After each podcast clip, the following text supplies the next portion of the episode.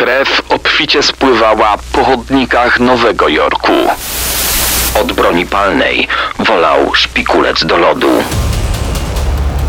Płatni zabójcy, seryjni mordercy i sceny zbrodni w RMFFM. I dziś wieczorem historia jak z dobrego gangsterskiego filmu. No właśnie, co mamy na myśli, jak mówimy dobry gangsterski film? Gdy jest zbrodnia, są strzały, dużo akcji, Gangsterzy, pościgi. ale jednak gdy kończy się seans, to ten dobry film się kończy. Ten jest niedobry, bo wydarzył się naprawdę. Opowiemy o przedsiębiorstwie zbrodni, fabryce morderstw na zlecenie, o najbardziej znanym amerykańskim Narodowym Syndykacie Przestępczym, który powstał z udziałem gangsterów z Polski. I dodajmy, e, filmy na tej podstawie powstały, skoro o nich powiedzieliśmy. Powstały też seriale. U nas fakty o najbardziej wyrachowanych, bezwzględnych gangsterach początku XX wieku. Zapraszamy na spotkanie z Murder Incorporated. To są sceny zbrodni w RMFFM i robi się mrocznie. No to zaczynamy w radiu RMFFM sceny zbrodni na poważnie, czyli Murder Incorporated. Przenosimy się do Ameryki lat 20. ubiegłego wieku. To wtedy rodziły się wielkie fortuny. I to wtedy fortuny wielkie upadały, to wtedy przecież giełda zaliczyła słynny czarny wtorek. To moment, gdy do Stanów przybywały rzesze powojennych imigrantów. Czarno-białe fotografie mężczyzn w szelkach i kapeluszach, tak kojarzę z tym okresem. I kobiet z perłami na szyi i z takimi piórami we włosach. E, To też czasy balów, jak u wielkiego Gatsby'ego, szalone lata 20. To także czasy prohibicji, gangsterów i rozwijającej się amerykańskiej mafii. Jeśli sprawdzicie hasło Murder Incorporated, wyświetlą wam się daty 1929-41. Ale przecież nic nie powstaje z dnia na dzień. Początku tej organizacji przestępczej należy szukać znacznie wcześniej. Na początku lat 20. w Nowym Jorku powstał gang Meyera Lańskiego i Baxiego Sigela. Ale o nich opowiemy nieco później. Teraz musimy zacząć, że obaj byli Żydami. Jeden urodził się w Grodnie na Kresach Polskich, obecna Białoruś. Drugi przyszedł na świat w Brooklynie, ale rodzice przybyli tutaj z Galicji. Ich gang nie miał chwytliwej nazwy. Od imion szefów mówiło się po prostu Bugs and Mayer Mob, banda Bugsa i Mayera. Ale to był ten, jakbyśmy powiedzieli, zaczyn. No to jakbyśmy tak powiedzieli, to drugim składnikiem była organizacja sycylijskiego mafiozo, działająca oczywiście również w Nowym Jorku. Szefował jej pochodzący z Włoch szczęśliwy Lucian. No jednak lepiej to brzmi po angielsku, tak bardziej po gangstersku. Charles Lucky Luciano, uważany za najbardziej niebezpiecznego gangstera w USA. Już jako podrzędny gangster miał wizję stworzenia czegoś więcej niż tylko grupa przestępcza, czegoś więcej niż mafia. Marzył o takim imperium przestępczym i gdy w końcu dorobił się własnej organizacji, zaczął wcielać te swoje wizje w życie. Uznał, że walka z innymi gangami będzie szkodziła jego interesom. Postawił na współpracę. Włosi i Żydzi dogadywali się nadspodziewanie dobrze. Doszło do tego, że Lucky Luciano i Meyer Lansky zaprzyjaźnili się, co nie jest zjawiskiem powszednim w świecie przestępczym, w dodatku w dwóch konkurencyjnych organizacjach. Powstał sojusz, który przetrwał wiele, wiele lat i to on stał się taką bazą do powstania Murder Incorporated. Po drodze, tu muszę wtrącić, powstała jeszcze tak zwana komisja, The Commission, po prostu szefostwo mafii. Pomysł był nowy, bo we włoskiej mafii, jak wiemy, na czele stoi capo di capi, czyli szef szefów. Luciano postanowił wprowadzić tu coś w rodzaju demokracji. Komisja to był, wyobraźmy sobie, taki stół, przy którym na równych prawach zasiadali szefowie pięciu przestępczych rodzin działających na terenie Nowego Jorku. Z czasem dołączyli tu także inni kapo z mafii z Buffalo, Chicago, Detroit czy Filadelfii. Komisja chciała kontrolować działalność wszystkich mafii na terenie całych Stanów Zjednoczonych. Miała być także sądem najwyższym, rozstrzygającym te najpoważniejsze spory między różnymi organizacjami. To do komisji zwracały się skonfliktowane rodziny gdy potrzebowały mediacji. No właśnie. To jednoczenie się środowiska przestępczego nazwane zostało Narodowym Syndykatem Przestępczym. Znawcy mafii nie wybaczyliby nam, gdybyśmy nie wypowiedzieli przy tej okazji nazwiska Johnny Torrio, bo to on uznawany jest za pomysłodawcę powstania syndykatu. W każdym razie on był jednym z najważniejszych gości zjazdu mafiozów, do jakiego doszło w Atlantic City w roku 1929. Pojawili się tam także ci najbardziej znani, jak Al Capone czy Benjamin Bugsy Siegel, Vincent Mangano czy Ambert Anastazja, zwany szalonym kapelusznikiem. Wszyscy liczący się przemytnicy o włoskich i żydowskich korzeniach. Z czasem dołączyły także organizacje Irlandczyków, a nawet grupy afroamerykańskie. Myślę, że mamy to. Wyjaśniliśmy, że powstała prawdziwa potęga, Narodowy Syndykat Zbrodni. Jeszcze raz powtórzę tę nazwę. I ten sojusz mafiozów doprowadził do tego, że żydowska mafia Baxa i Meyera została rozwiązana.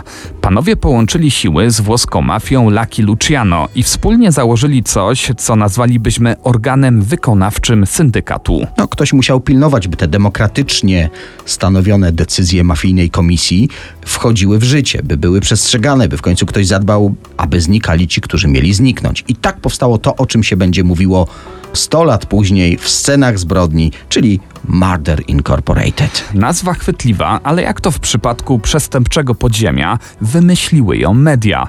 No jakoś należało nazwać tę organizację, o której działalności było głośno przez kolejną dekadę. Wymieniliśmy trzech mafiozów, którzy mieli wejść w jej skład, ale tak jak w komisji zasiadali różni bossowie, tak i w kierownictwie Murder Inc.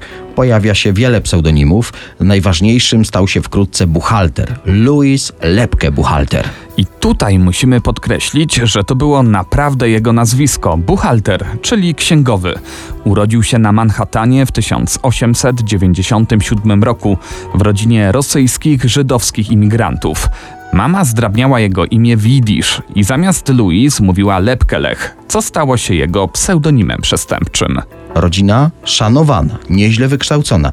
Jeden z jego braci został dentystą, drugi rabinem, a on gangsterem. Od dziecka ciągnęło go do ulicznych bujek, ledwo skończył podstawówkę, a już no właściwie od razu trafił do aresztu. No tak, został aresztowany, gdy miał lat 15. Na Manhattanie doszło do bitwy gangów i Lepke oczywiście walczył w pierwszym szeregu. Później kolejne więzienie, wyszedł z zakrat, gdy miał 22 lata i wtedy postanowił znaleźć sobie bardziej odpowiedzialne zajęcie niż bójki i napady. Wraz z kolegą, z którym zresztą wychowywali się razem, znali się od dziecka, bawili razem na nowojorskich ulicach, założyli spółkę, która przejmowała kontrolę nad rynkiem odzieżowym w ich części Manhattanu. A później rozszerzyli działalność na dostawców pieczywa. Po prostu kazali sobie płacić za tak zwaną ochronę, głównie przed ich własnymi gangsterami. Kto nie płacił, był bity, a czasem dla przykładu zabity. Buchalter czuł się bezkarny, bo opłacał nowojorskiej gliniarzy. Ba, na jego zlecenie to czasem oni wtłukli komu było trzeba. I ten właśnie człowiek stanął na czele Murder Incorporated. Był wtedy świeżo po trzydziestce. To on też był łącznikiem z komisją, czyli zarządem Narodowego Syndykatu Przestępczego. To, co zarząd ustalił, Lepkę Buchalter wprowadzał w życie. Kontaktował się najczęściej z szefem operacyjnym, czyli Albertem Anastazją, zwanym szalonym kapelusznikiem. Choć w Murder Inc. zwano go bardziej formalnie. Piastował on oficjalne stanowisko Lorda Wysokiego Kata. Nie wiem, czy właściwie ten tytuł przetłumaczyłem na polski. W każdym razie on wysyłał swoich chłopaków od brudnej roboty, by odwiedzili kogo trzeba, i często to byli ostatni goście, jakich ten ktoś w swoim życiu przyjmował. Mówimy, że to media wymyśliły tę nazwę, ale o istnieniu takiej grupy morderców na zlecenie śledczy, a więc i prasa, dowiedzieli się oficjalnie w 1932 roku. Gangster Abe Wagner opowiedział, jak działa organizacja. Oczywiście po takiej zdradzie musiał uciekać, zmienił tożsamość, wyprowadził się do innego stanu, półtora tysiąca mil od Nowego Jorku. Ale nawet tu wytropili go siepacze zdradzonej przez niego organizacji. Dwóch cyngli odnalazło go i zastrzeliło z zimną krwią.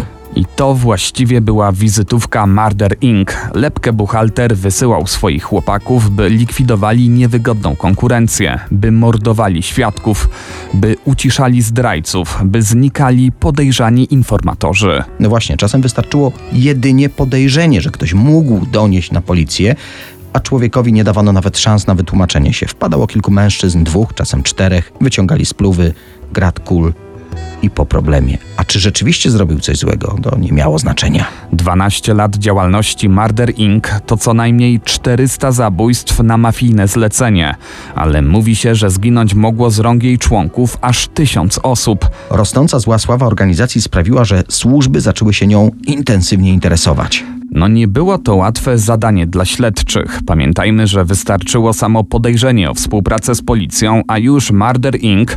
wysyłało do takiego ewentualnego informatora swoich ludzi, którzy go, no powiedzmy, uciszali. No to żeby było jasne, zazwyczaj była to śmiertelna cisza. Przełom nastąpił na początku roku 1940. Ale musimy się jednak cofnąć o kilka lat w tej historii upadku Murder Inc., bo o tym chcemy teraz mówić. W 1933 roku doszło do zabójstwa młodego gangstera. Chłopak miał zaledwie 19 lat, został postrzelony haniebnie w plecy na ulicy. No niestety podobnych zbrodni było w Nowym Jorku wiele w owym czasie, ale właśnie to mało znaczące wydawałoby się zabójstwo było tak naprawdę początkiem końca. Harry Rudolph był znanym doskonale policji kryminalistą. Jako, że zajmował się przestępstwami niemal zawodowo, często wpadał za drobniejsze i poważniejsze występki. Aby uniknąć części kar, poszedł na współpracę ze śledczymi. Informował o tym, co dzieje się w półświadku, ale zazwyczaj o mniej poważnych sprawach organizacji. Gdy właśnie Harry Rudolph trafił do więzienia w 1940 roku, by się e, wykpić, postanowił wsypać trzech gangsterów, którzy jego zdaniem byli zaplątani w morderstwo chłopaka 7 lat wcześniej. Dodajmy, że wiele zeznań tego kryminalisty nie przydało się policjantom. Okazały się stekiem bzdur, ale tym razem informator coś trafił. Jeden z tych trzech zatrzymanych zaprzeczył, by zamordował dziewiętnastolatka, ale w czasie przesłuchań poszedł na współpracę i zeznał, że był kierowcą w czasie sześciu innych zabójstw wykonywanych przez Murder Inc. Podał także nazwiska. Wobec takich dowodów pozostali dwaj zatrzymani no też zaczęli sypać. Szczególnie przydatnym okazał się Abraham Kid Twist Release, kolejny z potomków żydowskich imigrantów z Galicji. Jak wielu zaczynał od kradzieży.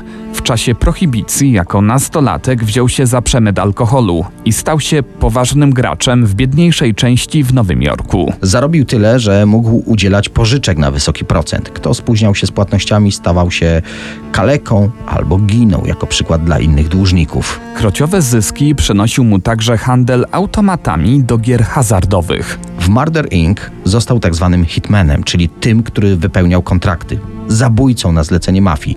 Drobnej postury, niskiego wzrostu, no ale nadrabiał to bezwzględnością. Podobno nigdy się nie wahał pociągając za spust, nawet jeśli na wprost lufy stał ktoś z jego dobrych kolegów. Choć od broni palnej wolał szpikulec do lodu. Wkładał go do ucha ofiary i wbijał tak, że uszkadzał mózg. Doszedł do takiej wprawy, że niemal nie zostawiał widocznych śladów. Lekarz patolog stwierdzał zwykle jako przyczynę śmierci wylew krwi do mózgu. Jego współpracownicy mówili, że ten niski młody chłopak lubił także zaciskać linę na szyjach swoich ofiar. Stąd podobno pseudonim Kid Twist. A ja znów czytałem, że ten pseudonim wziął się od nazwy cukierków, do których no podobno miał słabość. Słabość to miał przede wszystkim do samochodów. Wśród gangsterów krążyły opowieści, jak to zaatakował brutalnie pracownika myjni, po tym jak ten nie domył jakiejś smugi z lakieru jego automobilu. Była też inna mocna historia z samochodem. Pracownik parkingu miał mu podstawić auto. Abe Relis uznał, że facet strasznie się ślamazarzy. Ile można czekać na auto? Gdy w końcu podjechał i wysiadł z samochodu, Relis wyciągnął broń i zastrzelił go, po czym spokojnie wsiadł do wozu i odjechał. Ta opowieść stała się symbolem jego okrucieństwa i bezwzględności, owiała jego postać jeszcze mroczniejszą legendą. Ale wracając do roku 40, wobec oskarżeń i dowodów na jego zbrodnie, by uniknąć skazania na krzesło elektryczne, poszedł na układ z policją. Dzięki niemu w aktach pojawiło się jeszcze więcej gangsterskich nazwisk i jeszcze więcej zbrodni. Dostarczał także dowodów na zlecenie zabójstw przez najpoważniejszych gangsterów i na ich wykonywanie. Sam Abe Release stał się celem numer jeden dla byłych kolegów z Murder Inc. W więzieniu ktoś z opłaconych współwięźniów mógł bardzo łatwo wykonać na nim wyrok. Dostał więc jako cenny świadek policyjną ochronę.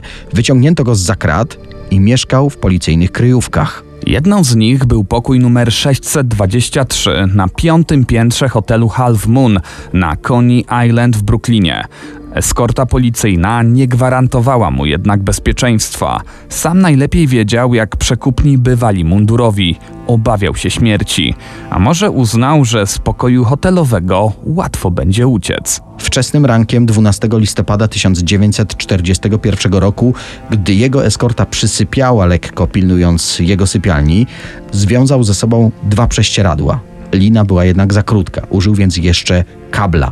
Ten kabel przywiązał do zaworu przy oknie i próbował zejść po takiej prowizorycznej linie na podest znajdujący się na wysokości drugiego piętra w tym hotelu. Jednak to właśnie drut nie wytrzymał. Węzeł wokół zaworu rozplątał się i Abe Relis spadł z piątego piętra na ów podest. Nie przeżył tego upadku.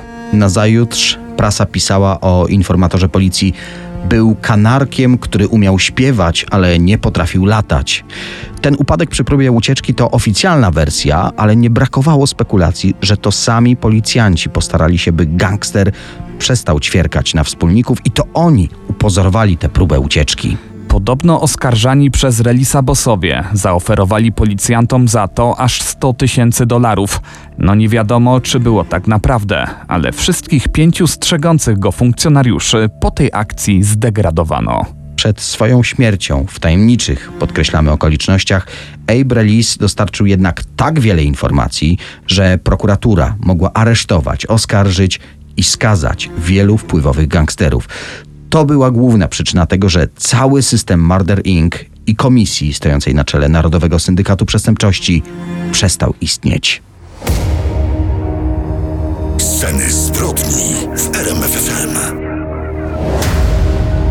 W scenach zbrodni rządzi temat Murder Incorporated. Meyer Lansky, nazywany księgowym mafii czy nawet ministrem finansów przestępczości zorganizowanej. Gangsterem był od najmłodszych lat, miał wpływy na całym świecie. Mimo to nigdy nie udowodniono mu poważnych przestępstw. Meyer Lansky, a tak naprawdę Majer Suchowlański lub inne źródła podają też Suchowliński. Przyszedł na świat w 1902 roku w Grodnie, czyli na terenach dawnej Rzeczpospolitej, wtedy pod zaborem rosyjskim. Obecnie jest to Białoruś.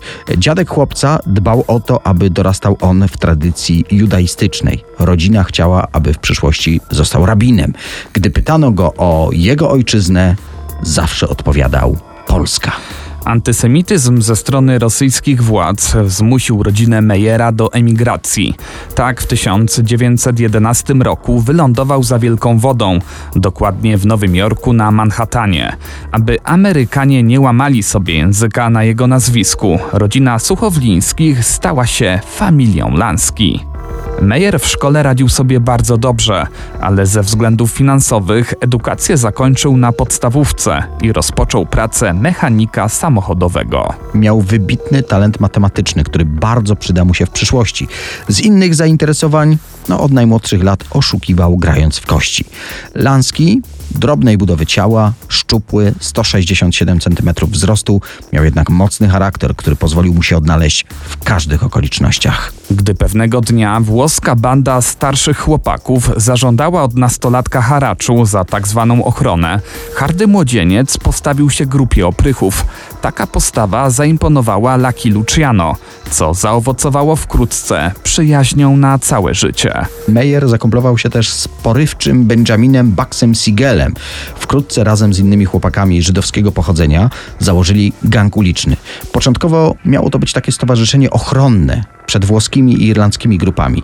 Organizacja zajęła się również bardziej intratnymi przedsięwzięciami. No o tym wspominaliśmy wcześniej. W dużym skrócie Lanski był mózgiem, a Bugs brutalną pięścią gangu, porwania ciężarówek, nielegalny hazard, morderstwa. Lata prohibicji to złoty czas dla przestępczości w USA. Meyer razem z Lucky Luciano dorabiają się na kradzieży i przemycie alkoholu. W końcu sami zorganizowali świetnie działającą siatkę przerzutową przez Atlantyk. Przełom lat 20. i 30. XX wieku to jest bardzo dynamiczny czas w mafijnym świecie. Krew obficie spływa po amerykańskich chodnikach. Luciano i Lansky dołączają do najpotężniejszego gangstera Nowego Jorku, czyli Giuseppe Masseri. ale po wybuchu wojny gangów, tzw. Tak wojny Castella Maryjskiej, orientują się, że władza szefa słabnie. Dlatego opowiadają się po stronie przeciwnika Salvatore Maranzano. 15 kwietnia 1931 roku Lucky Luciano zaaranżował w restauracji spotkanie z maserią. Po posiłku grają w karty. W pewnym momencie Luciano przeprosił swojego szefa, ponieważ chciał skorzystać z toalety. Wtedy do restauracji weszło kilku uzbrojonych morderców, którzy zastrzelili włoskiego bossa. Do kolejnej głośnej egzekucji dochodzi już pięć miesięcy później. Salvatore Maranzano, który po zabójstwie swojego konkurenta ogłosił się capo di tutti capi, szefem wszystkich szefów, nie nacieszył się długo władzą. Choć zauważył, że Lucky Luciano stanowi dla niego zagrożenie i wydał na niego wyrok, to jednak ten pierwszy uprzedził ruch włoskiego bossa. 10 września Maranzano został zasztyletowany i do tego jeszcze postrzelony w swoim biurze. Realnym szefem mafii zostaje wtedy właśnie Lucky Luciano. W 1929 roku przedstawiono koncepcję Narodowego Syndykatu, czyli tzw. Tak nowej mafii amerykańskiej. Celem tego układu była współpraca gangów, co miało przynieść gigantyczne zyski. Syndykat podzielił też pierwotnie terytoria i wpływy na pięć nowojorskich rodzin. Brudną robotę syndykatu wykonywało Murder Incorporated. Dodajmy, że Meyer Lansky zawsze odcinał się od gangu płatnych zabójców. Jak sam powiedział później, Prowadziliśmy biznes niczym koncern samochodowy Forda. Strzelanie i zabijanie nie było efektywnym sposobem robienia interesów. No to zajmijmy się tymi interesami. Lansky finansową potęgę zbudował na alkoholu, prostytucji, pornografii i legalnych przedsiębiorstwach, ale przede wszystkim na hazardzie. Wspominaliśmy, że matematyka nie sprawiała mu trudności. Dlatego potrafił doskonale oszacować prawdopodobieństwa rozmaitych gier bukmacherskich, aby przynosiły mu odpowiednie zyski. Meyer dbał również o renomę swoich placówek. Tępił wszelkie objawy oszustwa. Dobrze, że to podkreśliłeś, bo te gry hazardowe, którymi się zajmował, nie były ustawione przeciwko klientowi. Po prostu opierały się na prawdopodobieństwie. Do tego oczywiście odpowiednie kontakty ze skorumpowanymi władzami, które zapewniały przymykanie oczu na nielegalne działania mafii. Meyer doskonale zarządzał podległymi mu placówkami. Zdecydowanie gorzej radził sobie na tym polu Baxi Zigiel. Mafijni inwestorzy byli zdenerwowani, że hotel i kasyno w Las Vegas, którym Bugs zarządzał, nie przynosiło odpowiednich zysków, a wielomilionowe straty. Wstawiennictwo Lanskiego nie pomogło. Jego kolega z dawnych lat został zastrzelony w 1947 roku. Do dzisiaj plotkuje się o tym, że zgodę na tę egzekucję musiał wyrazić sam księgowy mafii. Ten gangster o polskich korzeniach lokował swoje pieniądze na szwajcarskich kontach. Finalnie kupił nawet jeden z tamtejszych banków. To zapewniało mu anonimowość, no i bezpieczeństwo i transakcji, i pieniędzy. Jednak prawdziwe hazardowe Eldorado rozpoczęło się na Kubie, a sam Lanski został bliskim przyjacielem prezydenta tej rajskiej wyspy. On w latach 40. zaprzyjaźnił się z byłym prezydentem Kuby, Batistą, po udanym zamachu stanu, gdy Batista ponownie przejął władzę na Kubie, całkowicie otworzył kraj na hazard. Lanski nazywany był wówczas nieoficjalnym ministrem hazardu dyktatora. Kuba wówczas była miejscem zabawy amerykańskich elit, a mafia zarabiała gigantyczne pieniądze na kasynach, torach wyścigowych, prostytucji, narkotykach. Zacytujmy jeden z artykułów z tamtych lat. Narkotyki nie są wcale trudniejsze do zdobycia na Kubie niż kieliszek rumu i tylko nieco droższe. Jak sami słyszycie, prawdziwe mafijne Eldorado. Licencja na otwarcie kasyna była tylko kwestią pieniędzy, do tego dziesięcioletnie zwolnienie z podatków oraz brak cła. Wszystko zmieniła rewolucja kubańska. Fidel Castro przejął i znacjonalizował wszystkie kasyna należące do mafii. Między innymi zniszczył również nieruchomości genialnego księgowego warte 7 milionów dolarów. Wtedy Lansky miał wydać wyrok na El Comendante. Oferował milion dolarów za jego głowę. W późniejszych latach Lansky próbował odtworzyć to hazardowe imperium w innych miejscach Karaibów, między innymi na Haiti. Zastanawiacie się pewnie, jakim cudem człowiek zamieszany w całą litanię brudnych interesów nigdy nie odpowiedział, no chociaż za część przestępstw. Otóż Meyer był wybitnym spryciarzem. Potrafił idealnie lawirować, aby nie ubrudzić sobie rąk. Według wielu badaczy posiadał też kompromitujące materiały na ówczesnego dyrektora FBI, Johna Edgara Hoovera. Ile w tych doniesieniach jest prawdy? Być może właśnie dlatego, mimo wnikliwej obserwacji Lańskiego, prowadzonej przez wiele długich lat, nie znaleziono powodów, by organy ścigania mogły go wziąć na celownik.